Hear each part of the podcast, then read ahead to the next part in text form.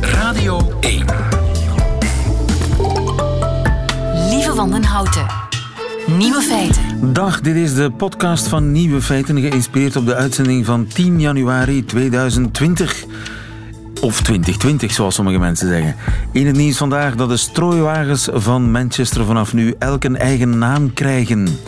De inwoners hebben daarover mogen beslissen. Ze mochten suggesties doen voor de wagens die zout op de wegen strooien. Gritters in het Engels. De winnaars zijn nu door het stadsbestuur bekendgemaakt. Zo rijdt bij de volgende sneeuwstorm Gritter Thunberg uit. Of komt u bij uw volgende citytrip misschien Snowball Gallagher tegen? Of Spready Mercury? En mijn favoriet blijft Basil Salty.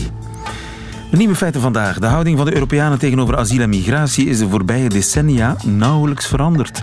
Ondanks de asielcrisis van 2015. Theedrinkers leven langer. Wetenschappers zetten vissen 3D-brillen op. En Sander van Horen, Nederlander in Brussel, verbaast zich over ons gebrek aan vuurwerkliefde. De nieuwe feiten van Nico Dijkshoorn, u hoort ze in zijn middagjournaal. Veel plezier.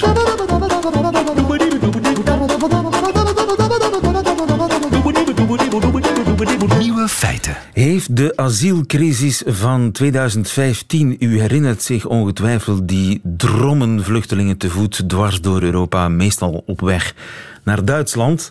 Die asielcrisis van toen, heeft dat invloed gehad op wat de mensen denken over asiel en migratie? Die vraag hebben twee Leuvense sociologen onderzocht. Waaronder Arno van Houtegem. Goedemiddag, meneer van Houtegem. Goedemiddag. Mag ik Arno zeggen? Ja, toch? Hè? Tuurlijk. Hoe hebben jullie dat aangepakt? Uh, jullie hebben diverse enquêtes bekeken.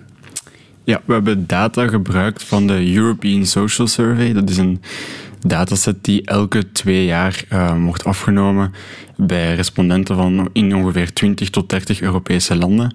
En dat is eigenlijk sinds 2002 opgestart en de data gaat dus eigenlijk tot 2018. En dus we hebben eigenlijk um, de evoluties van migratieattitude bekeken uh, over de tijd heen. Ja, dat is Europees sociaal onderzoek dat uh, systematisch gebeurt in alle landen. En jullie hebben dat uh, bestudeerd. Nu, de gangbare theorie is hoe meer migratie of hoe slechter de economie, hoe meer afkeer van asiel en migratie. Zie je dat ook terug in de cijfers? Ja, dus inderdaad, het klopt dat de gangbare theorie is dat uh, grotere groepen immigranten bijvoorbeeld meer tot meer competitie zou leiden tussen groepen en dus ook tot meer uh, gevoelens van bedreiging. Maar dat zien we eigenlijk op uh, contextueel niveau, dus op landenniveau zien we dat niet echt bevestigd. We zien enerzijds dat werkloosheidsgraden bijvoorbeeld geen goede predictor zijn voor attitude naar asielbeleid, maar ook dat de attitude naar migratie of gevoelens van bedreiging niet negatiever zijn geworden sinds wat we vaak de asielcrisis noemen van 2015. Ja, dus het antwoord op mijn hoofdvraag is nee, er is geen invloed geweest van die crisis van 2015 of alleszins uh, niet direct. Het zijn niet de aantallen op zich die kunnen leiden tot negatieve attitude. Het enige dat bijvoorbeeld wel een invloed kan hebben, is hoe politici of de media die grote aantallen um, framen. Dat kan bijvoorbeeld wel, uh, of lijkt wel een invloed te hebben. Maar de aantallen op zich lijken inderdaad geen uh, verband te houden tot de attitude die we onderzocht hebben. Maar de politici kunnen wel een rol spelen. Zie je dat in bepaalde landen gebeuren? Ja, we zien dat eigenlijk langs beide kanten van het spectrum. Dus bijvoorbeeld in landen waar het eigenlijk helemaal niet zo'n issue was, of waar het helemaal niet zo politiek uh, gedebatteerd werd, zoals in Portugal of Spanje, zien we veel positiever attitude. Terwijl in landen waar dat er echt op de morele paniekknop is geduwd, zoals we bijvoorbeeld in Hongarije zien, daar zien we echt een enorme toename in uh, gevoelens van bedreiging uh, van migranten. Ah, dus dat is wel de uitzondering, Hongarije. Ja, en, maar eigenlijk vinden we dat terug in vrij veel van de Oost-Europese landen. De Visegrad-landen, zoals ze heten, hè? Ja, exact. Dus daar zien we eigenlijk dat zijn de landen die zich het sterkste verzet hebben tegen een soort gedeeld, uh, gedeelde asieloplossing over Europa heen. Polen, Hongarije, Slowakije. Ja, inderdaad. En het zijn ook in landen zoals bijvoorbeeld Polen ook en in Tsjechië dat we een enorme toename zien in gevoelens van etnische bedreiging. Dus het lijkt inderdaad zo te zijn. En een recente studie, um, twee weken geleden verschenen, toont dat ook aan dat die discoursen veel belangrijker zijn dan de effectieve contextuele omstandigheden, zoals de economie of het aantal migranten die aanwezig is in een bepaald land. Ja, want zijn er veel migranten en asielzoekers die naar Polen, naar Tsjechië, naar Slowakije en Hongarije willen? Dat is inderdaad net wat er zo hard opvalt, dat dat juist enkele van de landen zijn die eigenlijk relatief genomen zeer weinig asielaanvragen hebben gekend. Een land als Hongarije heeft misschien initieel wel meer asielaanvragen gehad en meer een doorstroom van asielzoekers die naar andere Europese landen gingen. Maar eigenlijk in landen zoals Polen of Tsjechië zien we dat er eigenlijk, eigenlijk amper een aanwezigheid was van asielzoekers. En toch zijn attitudes daar zoveel negatiever geworden. Ja, dus als er al een verband is tussen asielzoekers en afkeer van asielzoekers, dan is het hoe minder asielzoekers, hoe meer afkeer. Of zet ik het nu te scherp?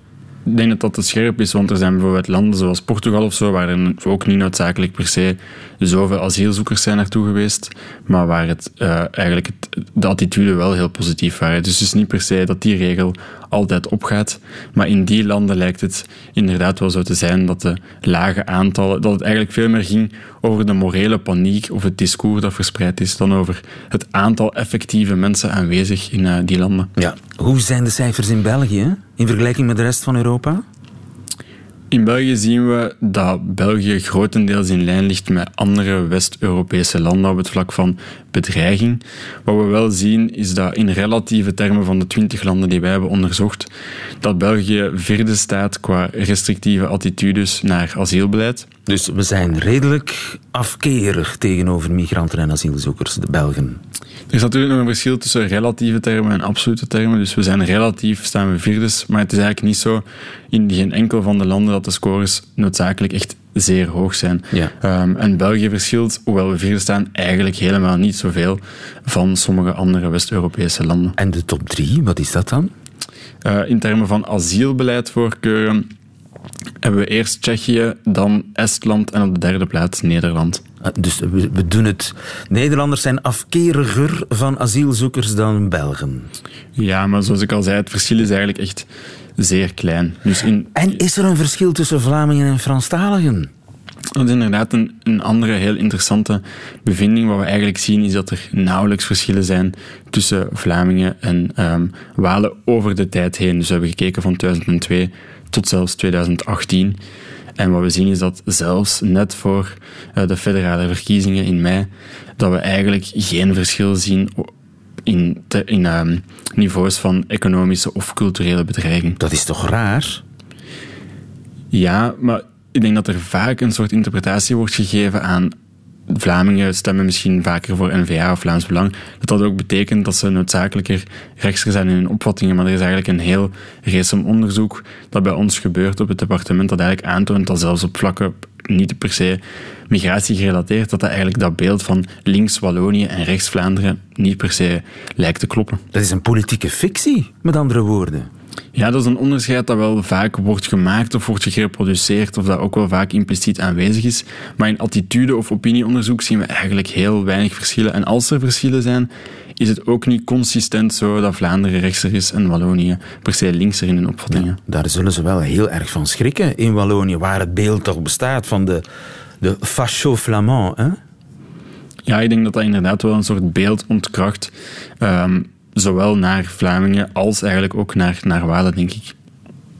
Uh, het zijn uh, cijfers die uh, redelijk verbazen. Arno van Houtegem, dankjewel. Goedemiddag. Dankjewel. Intussen lopen de suggesties hier binnen naar aanleiding van ja, de kop van het programma waarbij in Manchester de bewoners suggesties mochten doen voor namen voor strooiwagens. Zij hadden hele mooie namen. Spready Mercury bijvoorbeeld. En Basil Salty. Ik kwam met Jan Zoutekiet. Intussen heeft Michel een, een andere suggestie. En de winnaar is Sven Nash. Sven, Sven Nash. Maar uh, Sander, jij hebt ook een idee? Ja, geen Vlaams idee, maar een Nederlands idee. De Ruud van Nistel strooiwagen. De Ruud van Nistel strooiwagen, uh, Zout van Aert. Daar kwam onze muzieksamensteller ook mee. Zout van Aert af. Oh, wat verkeerde jingle, dat begint goed. Nieuwe feiten.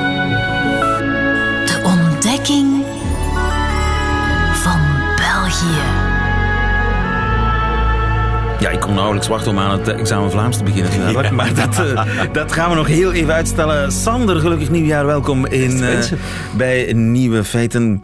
Andermaal, want ook dit jaar gaat jouw wonderbaarlijke ontdekkingstocht... Uh, niet Alice in Wonderland, maar Sander in Belgieland... Mm -hmm. door. Jij als correspondent voor de NOS in Brussel. Ja.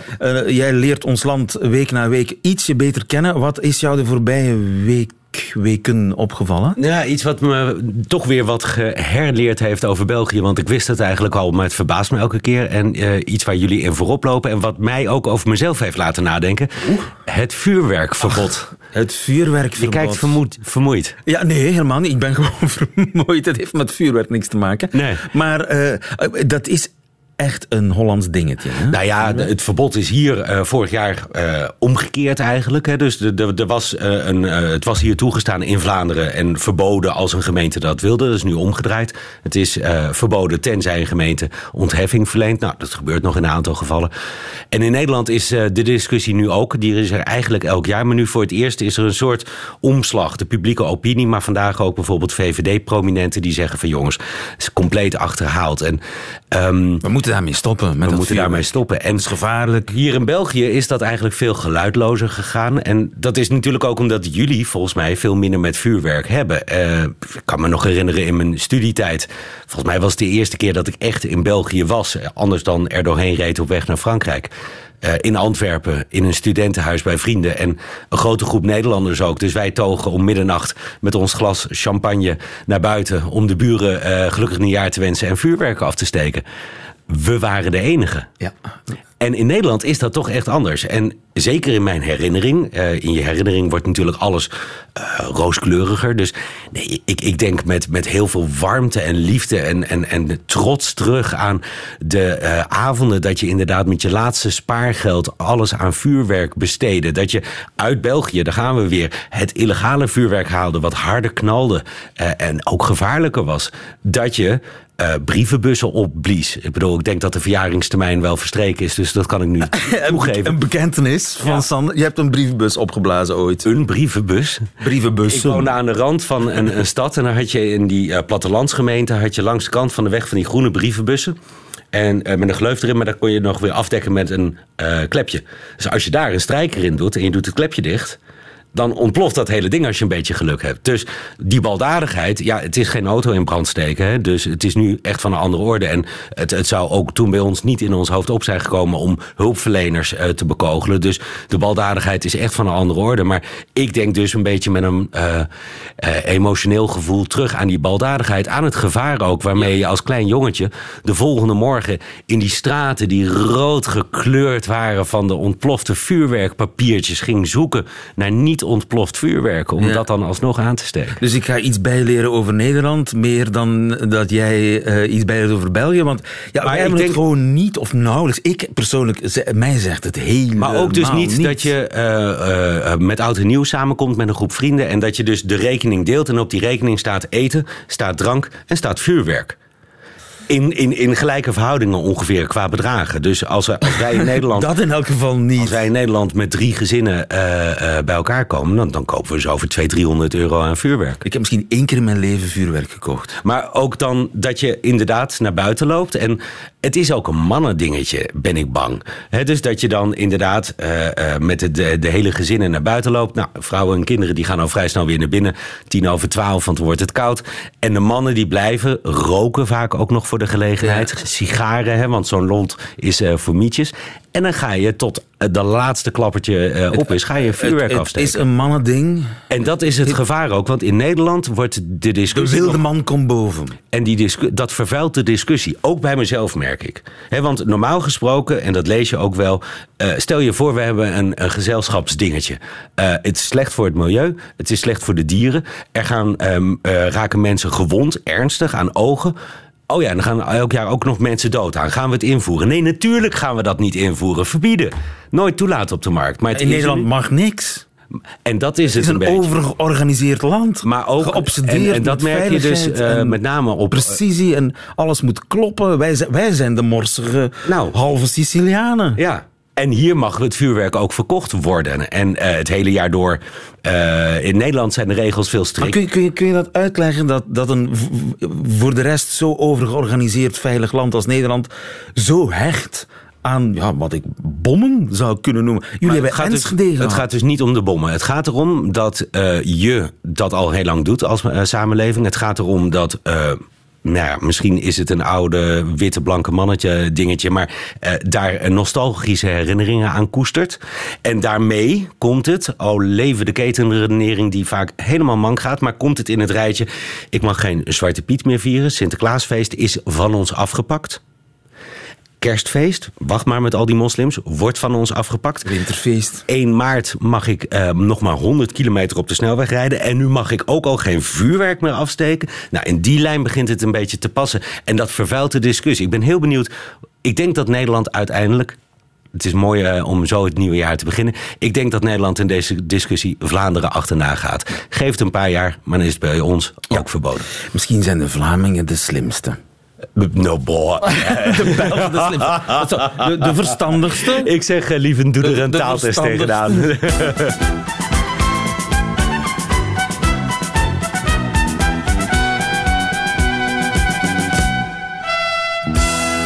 Examen Vlaams. Even kijken hoe het zit met, het, eh, eh, met de kennis van je Vlaams in 2020. Trouwens, wij zeggen ik zeg 2020. Ik ook. Oké. Het mag niet van een collega van mij. Hè? Die eh, blijft volhouden dat het 2020 is. 2020 volgens hem is ambtenarentaal. Maar ik hoorde bij Julian, dat heb ik hem voorgehouden... hij was niet onder de indruk dat ook M&M... wat toch een beetje die jongere trend, weet ik. Ja. die heeft het ook over 2020. Natuurlijk. Wat is nieuwjaren? Eh, oud en nieuw vieren? Het zal niet. Niet helemaal. Nee? Nieuwjaren. Nieuwjaren. Is dat gewoon jarig zijn dan? Nee. Nee. Nee, nee, nee. Nieuw, eigenlijk is het nieuwjaren. Nieuwjaren. Nieuwjaren. De klemtoon ligt op het nieuw. Nieuwjaren. Goede We moeten, we, we- we moeten nog gaan nieuwjaren. Nieuwjaren. We moeten op nieuwjaarsbezoek gaan. Ah. Bij Pa en Ma bijvoorbeeld. Ja. We moeten nog nieuwjaren. Ja, dat is bij ons iets minder een traditie. Dat doe je met kerst, doe je dat wel? Dan Ja, doen dat soms in, in februari nog. Oké. Ja, Ja. eh, met de familie. Nou, bij ons heb je wel de nieuwjaarsborrels, maar volgens mij is het niet zo dat je echt per se... Je, je moet ze wel bellen of een sms'je sturen. Ja. Dan heb je Een bloemenkee. een bloemenkee? Een bloemenkee. Ja. Nee, zegt echt helemaal niets. Tip. Vuurwerk. Oké. Het is gewoon een, een vuurpijl, een eh, siervuurwerk. Een bloemenkee is een, is een bloementuil. Ja. En is de apotheose van het vuurwerk. De bloemenkee. Wauw. Oké, wat mooi. Orgelpunt, Ja. als het ware. De Ja. bloemenkee. Een bloemenkee is een bloemetje. Is eigenlijk gewoon een bos bloemen. Een Ja. bloemenkee. Op de lappen. Op de lappen. Op de lappen. Ja, nee. Ben jij op de lappen geweest? Nee, het zegt echt helemaal niks. Met eh, oud en nieuw. Op de lappen. Stappen. Ah. We gaan stappen. We gaan stappen. Op, de, op de lappen. Hij is op de lappen Ja, geweest. ben je nog uit geweest? Juist. Ja, oké. Op de lappen. In dezelfde sfeer. Buitenwipper.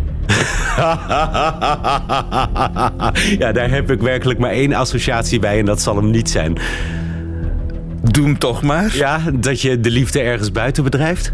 Dat is een bospoeper. Het is een bospoeper. Want... ah, natuurlijk. Ja, ja, ja, ja, ja, ja, ja. ja. Iemand die seks heeft in de open lucht is een bospoeper. Bospoeper. Een buitenwipper is een uitsmijter. Ah, oh, wat leuk. Dat is Iemand die aan de deur staat. die je naar buiten wipt als je Ja. misdraagt of buiten houdt. Ja, en ook het gelijknamige gerecht kennen wij ook wel hoor, een uitsmijter. Ja.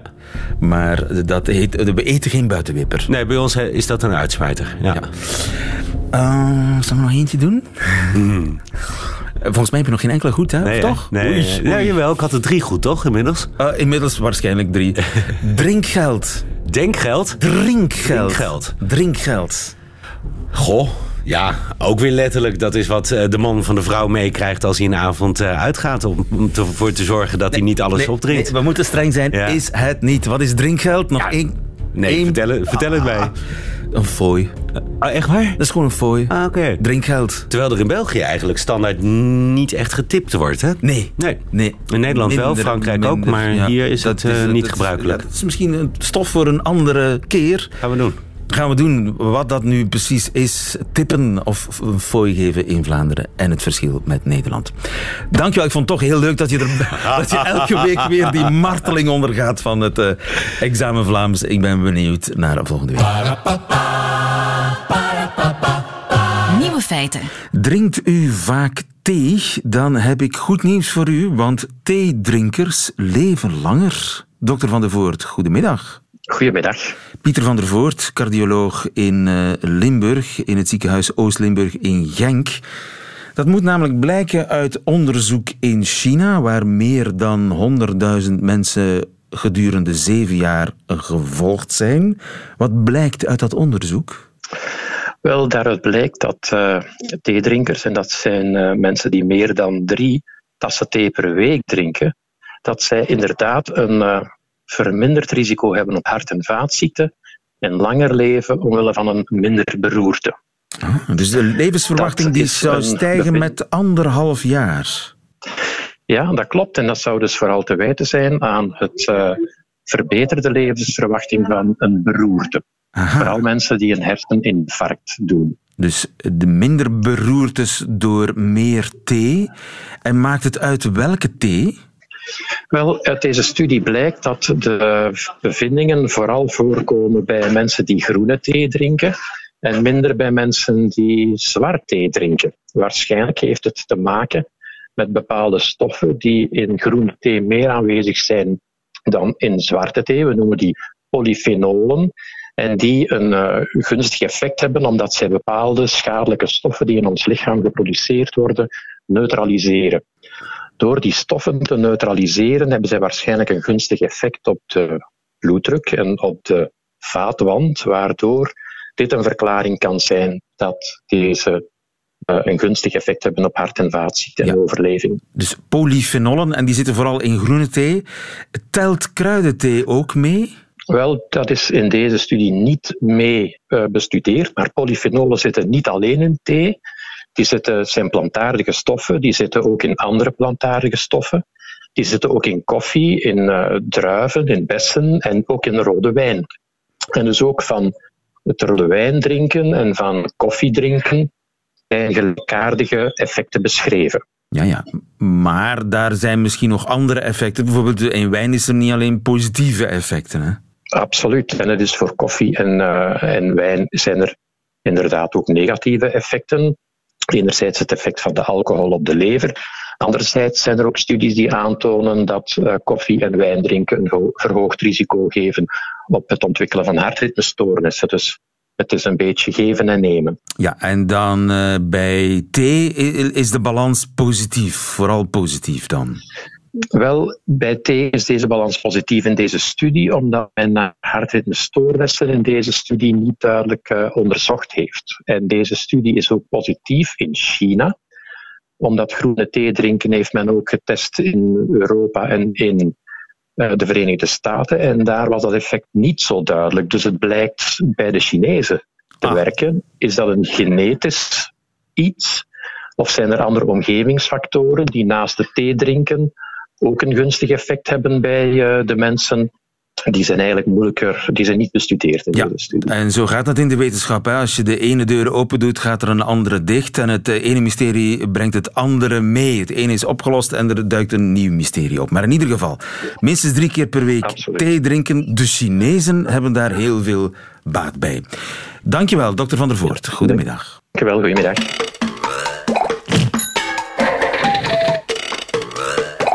Nieuwe feiten. Ze doen soms rare dingen, wetenschappers, zoals vissen een 3D-bril opzetten. Dominique Adriaans, goedemiddag. Goedemiddag. U bent eh, evolutionair bioloog aan de Universiteit van Gent. Het zijn collega's van u in Minnesota, de Verenigde Staten, die dat gedaan hebben.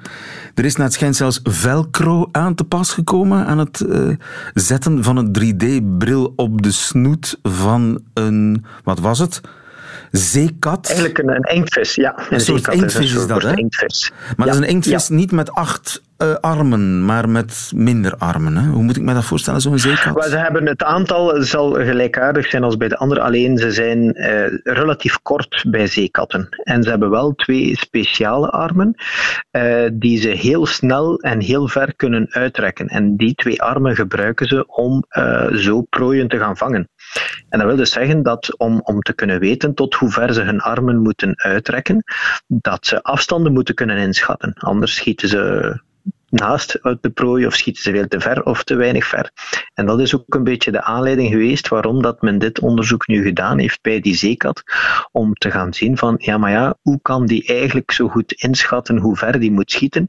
Kan die misschien gebruik maken van wat we noemen stereoscopisch zicht? Stereoscopisch zicht, uh, simpel gezegd ja. dieptezicht, 3D-zicht, ruimtelijk zicht. Ja. Zoals de mens eigenlijk, hè? Inderdaad, inderdaad. Bij ons, wij kunnen dat uh, zeer goed. We hebben dat overgeërfd van onze voorouderprimaten, die dat uh, goed konden gebruiken als ze in de takken en de bomen klimmen. Als je springt van de ene tak naar de andere, is het wel handig om te kunnen inschatten hoe ver die tak hangt, vooraleer dat je daar naar grijpt. En dus uh, wij hebben dat systeem ook. En dus inktvissen zijn eigenlijk een beetje speciaal, omdat dat de enige uh, ongewervelde uh, dieren zijn die zeer complexe ogen hebben, die qua bouw zeer sterk lijken op dat van uh, gewervelde dieren, waaronder dus ook de mens. Ja, maar niet alleen gesofisticeerde ogen, je moet ook een brein hebben, hè? want dat brein moet ook die twee net iets verschillende beelden die door die beide ogen worden geregistreerd, moet die beelden tot één beeld vormen. Ja, inderdaad. En daarin onderscheiden inktvissen zich ook dat die een, uh, voor een ongewervelde een, een zeer groot en zeer complex uh, brein uh, hebben. Ze hebben relatief gezien ten opzichte van hun lichaamsgrootte hebben ze ook de grootste hersenen onder de onder, ongewervelden. En daarom dus moesten die, moesten die zeekatten, die inktvissen, een 3D-bril opzetten om hun dieptezicht, een 3D-zicht te checken. Dus ik sta me voor de met velcro aan de slag. Zo'n vis zal het wel niet prettig gevonden hebben.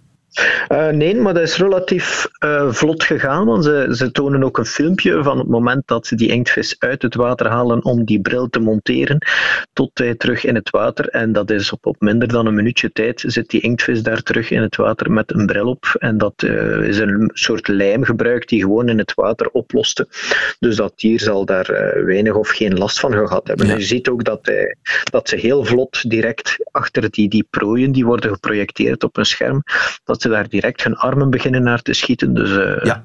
Dat, dus, want dat is natuurlijk wat er, wat er gebeurd is. Ze hebben naar filmpjes gekeken met zo'n 3D-bril op. En die bril ja. geeft hen de illusie dat wat ze op dat scherm zien, dat zich daadwerkelijk voor hun neus afspeelt. En dan lijkt het alsof een prooi zich op 10 centimeter afstand uh, bevindt, terwijl eigenlijk dat scherm op een meter uh, afstand staat. Ja, inderdaad. Inderdaad, en dat is eigenlijk het, het heel uh, tof en interessante aan dat experimentje, dat ze gespeeld hebben met uh, dat dieptezicht dat ze kunnen creëren. Hè. Dus ze hebben zo die inktvis een bril opgezet, zoals dat we vroeger in de cinemas en zo, nu is dat een ander systeem, maar wat je zo aan het ene oog een, een groene kleur en aan het andere oog een blauwe kleur hebt. En dan projecteert men een scherm waar dat dan uh, in de verschillende kleuren een beeldje van hetzelfde object, in dit geval was dat een garnaal, maar hoe verder dat die beeldjes uit elkaar liggen, hoe meer dat dat een diepte uh, beeld of dieptezicht ja. creëert. En dus en die zeekat die greep naar de fictieve garnaal op de plaats waar het volgens het 3D-beeld zou moeten zitten.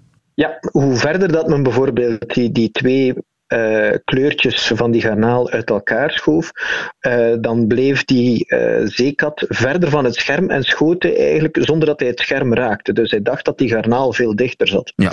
En als ze dan het, het, omgekeerde deden, dan ging hij zelfs te dicht bij het scherm en, en schoot hij bij manier van spreken alsof dat hij achter het scherm ja. ging vangen.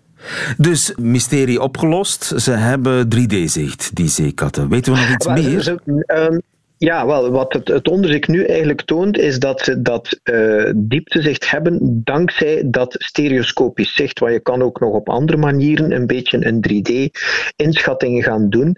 Um, en dat wist men al van die. Uh, dat, doen, dat is ook het geval bij andere inktvissen dat ze dat kunnen doen. Maar wat dus nu nieuw is, is dat eh, door dat principe van dat stereoscopisch zicht. Dus wat wil zeggen dat linker en rechter oog een deel moeten overlappen en dat ze daar de hersenen kunnen een dieptebeeld uit gaan produceren, als het ware, dat dat nu ook aanwezig is en dat ze het ook gaan gebruiken. Hè. Dus dat ze effectief om hun prooi te kunnen inschatten, zich gaan richten, de afstand gaan inschatten en ook veel sneller naar een prooi gaan uh, schieten als ze dat 3D-stereoscopisch zicht kunnen gaan gebruiken. Zijn er dieren die een beter stereoscopisch zicht hebben dan mensen?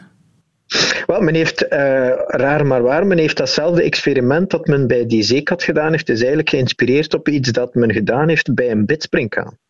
Dat is dus uh, iets totaal anders. Men heeft, heeft ook men zo'n een brilletje bit, opgezet. Een bidspringhaan een 3D-bril opzetten, dat kan dus ook. Ja, dat kan dus inderdaad ook. hè, Ja, met een hele kleine brilletjes heeft men dat opgezet. En daar heeft men ook gezien dat die in staat zijn. Die hebben natuurlijk met die zeer grote facetogen, die hebben een zeer breed spectrum, of een zeer breed uh, oppervlak waarmee dat ze kunnen uh, gaan uh, zaken in detecteren. En dus ook een groot overlappend gedeelte.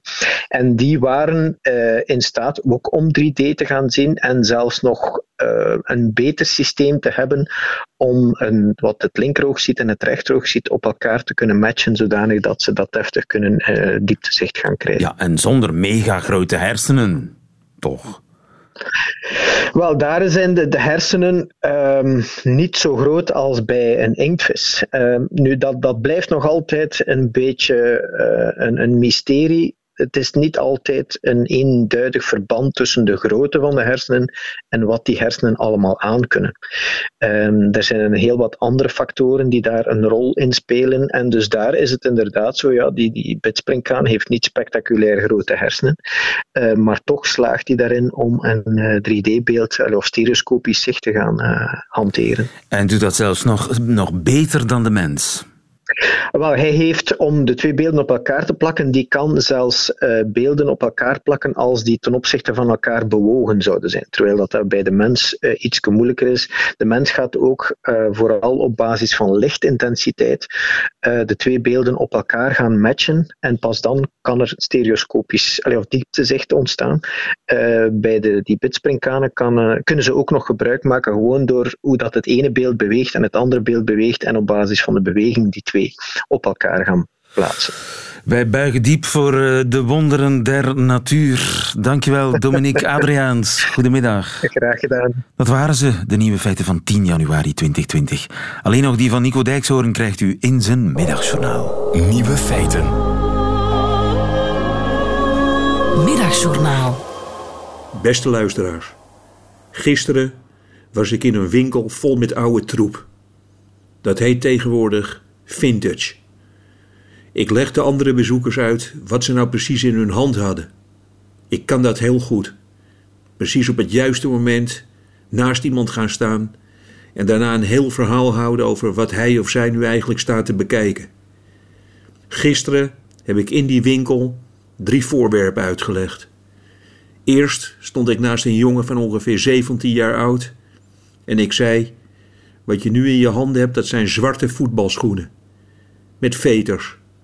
Zo ging dat in de jaren 80. Je voetbalde op zwarte voetbalschoenen met zwarte veters. Leuk hè? Wie witte veters in zijn schoenen had, die moest de douche schoonmaken.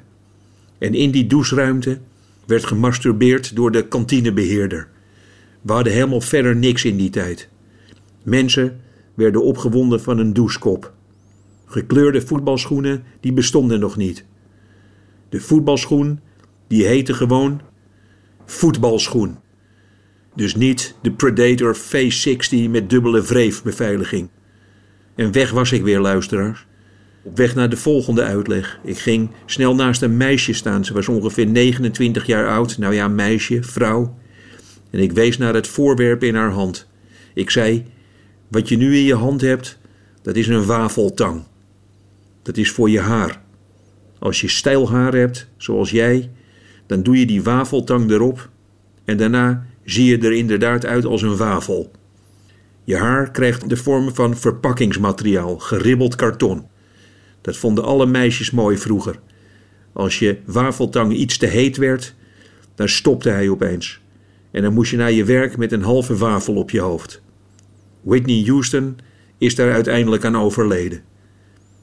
Maar luisteraar, het derde voorwerp wat ik heb uitgelegd, dat was zo mooi. Het was zo fijn om dat eens een keer uit te kunnen leggen aan de aanstormende jeugd. Ik zei, wat jij nu in je hand hebt, dat is een punnikklosje. Een punnikklosje in de vorm van een paddenstoel. Je doet garen om die stukjes metaal heen en dan komt er na zes uur punniken aan de onderkant een draadje uit. Het meisje keek mij aan. Ik zei, meisje, dat was geluk. Eerst was er geen draad, snap je dat? En ik maar punniken en punniken en punniken. En ja hoor, daar kwam de draad tevoorschijn. Je deed er eigenlijk verder niks mee. Ik keek ernaar als ik in bed lag. En dan was ik heel even gelukkig. Ze zeggen vaak dat we helemaal niks hadden vroeger. Maar meisje, we hadden juist alles. In ons hoofd.